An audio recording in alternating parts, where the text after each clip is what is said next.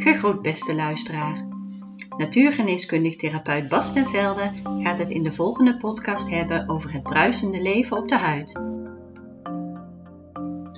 Het is alweer een flink aantal weken geleden sinds de laatste podcast. Zo vlak voor en na de vakantie, dan is het altijd erg druk. En ik wilde eigenlijk tijdens mijn vakantie deze podcast opnemen, maar dat was toch niet zo eenvoudig op een camping.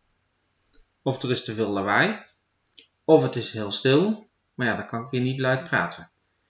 Vandaar dat de podcasts even stil lagen, maar we pakken ze nu weer op. Terugkomend op de vorige podcast heb ik beloofd dat we het gaan hebben over de huid. En daar valt heel veel over te vertellen, dus laten we bij de buitenste laag van de huid beginnen. En dan bedoel ik niet de opperhuid, dat stukje huid waar we naar kijken en kunnen voelen. Nee, boven die opperhuid, daar zit nog een belangrijke laag, namelijk het microbioom van de huid.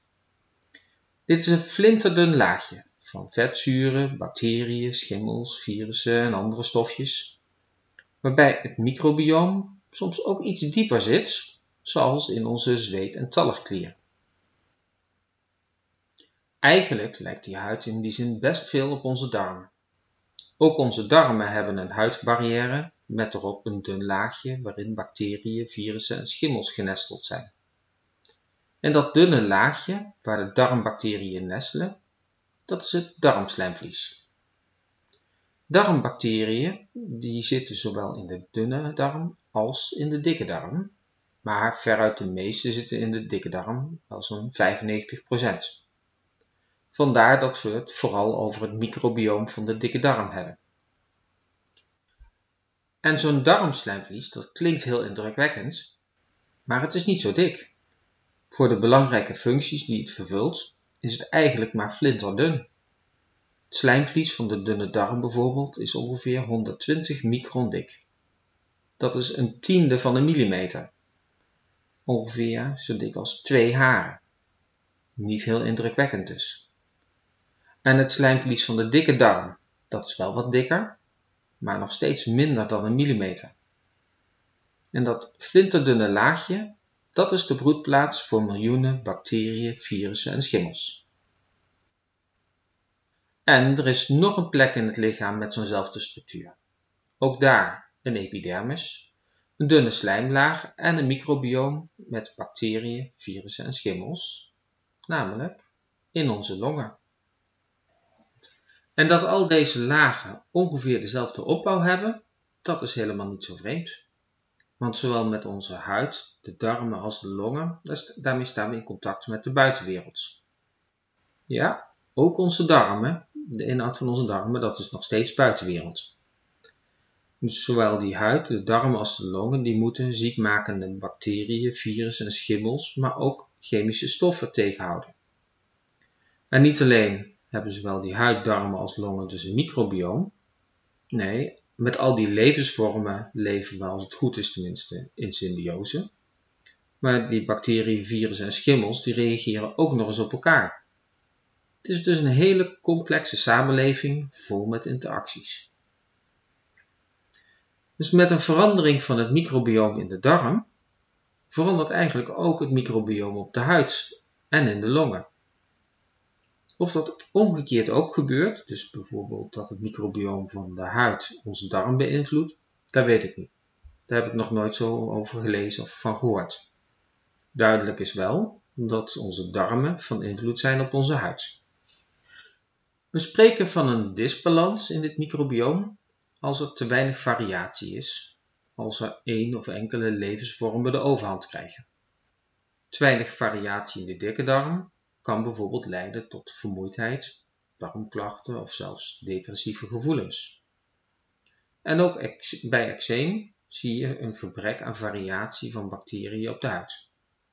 Zo kan een Staphylococcus aureus bacterie gaan boekeren en zo'n hele eczeemplek bevolken. Eigenlijk is het dus net als de huidige milieucrisis. Een goed milieu is ook gebaat bij zoveel mogelijk levensvormen, zonder dat de een de overhand krijgt. Gebeurt het wel, zoals wij mensen nu exponentieel in aantal gegroeid zijn, ja, dan kan dat ten koste gaan van de diversiteit van andere levensvormen. Dus ook op de huid willen we het microbioom divers houden. En daarvoor zijn een paar invloeden belangrijk. Allereerst de zuurgraad, ofwel de pH van de huid. In het bloed is de ideale pH zo'n 7,4. Dat is een licht basische pH, want een neutrale pH is 7,0. Maar een huidneutrale pH, dat is een pH van 5 tot 5,5. Dat is dus niet neutraal, maar licht zuur. En dat is niet voor niets, want die, met die zuurgraad wordt de groei van bacteriën en virussen op eh, schimmels en zo op de huid wordt geremd. Wat ik net zei over eczeem, dat je daar bepaalde bacteriën kunnen gaan boekeren. Die disbalans in het microbioom, dat is niet het enige wat op de huid dan ontregeld is. Ook de zuurgraad op een eczeemplek is vrijwel altijd te hoog. In plaats van rond de 5,5 kan die pH op een eczeemplek wel 7,5 of 8 zijn. Er zijn dan te weinig zuren op de huid om de bacteriën onder controle te houden.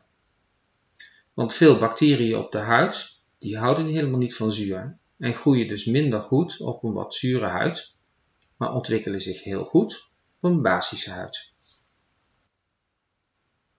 En ook dit kun je weer vergelijken met processen in de natuur. Want het omgekeerde willen we vaak in de bodem. Planten zijn gebaat bij bacteriën en schimmels in de grond. Zo kunnen bacteriën in de wortel van de klaver helpen bij het opslaan van stikstof in die wortel. En veel planten leven in symbiose met schimmels, want die schimmels die kunnen voedingsstoffen eh, naar die wortel toe brengen. Dus in de grond wil je niet te veel zuur, want dan gaan die bacteriën en schimmels dood. Maar op de huid willen we graag wel zuren, want daar willen we geen woekering van bacteriën. Alleen is het dan bijvoorbeeld niet de bedoeling dat je dagelijks in een bad met azijn gaat liggen om de huid weer zuur te maken. Azijn is natuurlijk wel goed zuur en daarmee verlaag je ook de pH van de huid. Maar we zweten geen grote hoeveelheden azijn uit om de pH van de huid zuur te houden. Nee, onze transpiratie die bevat misschien wel wat melkzuur en misschien nog wat andere zuren uit onze stofwisseling.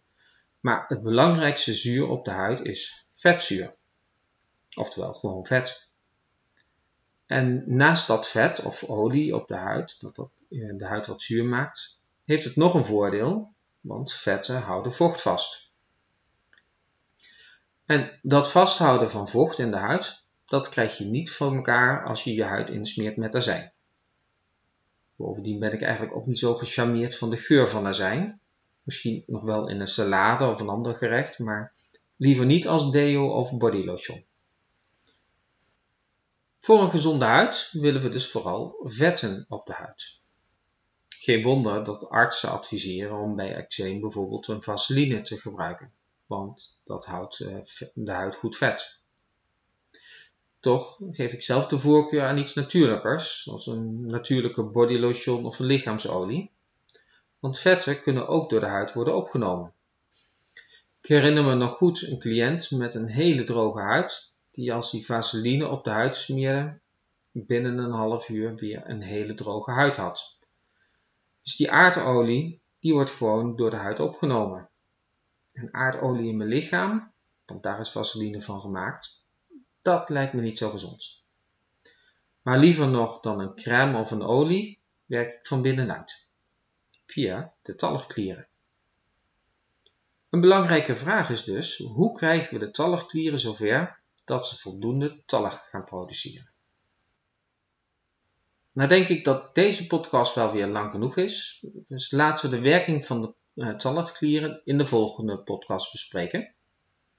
En mocht je ondertussen meer willen weten over de huid, het microbioom van de huid of de invloed van de darm op de huid, dan zou je het boek van huid, huidtherapeute Marceline Gooyen kunnen doornemen. Want zij heeft goed uitgewerkt hoe de darmen en de huid op elkaar inwerken. Het is misschien niet het makkelijkste boek om te lezen, omdat het geen mooi chronologisch verhaal is. Meer een bundeling van beschrijving van processen die ontregeld kunnen zijn. Maar het is zeker op het niveau van bacteriën, chemische stoffen en celprocessen een mooi naslagwerk. De titel daarvan die zet ik in de show notes.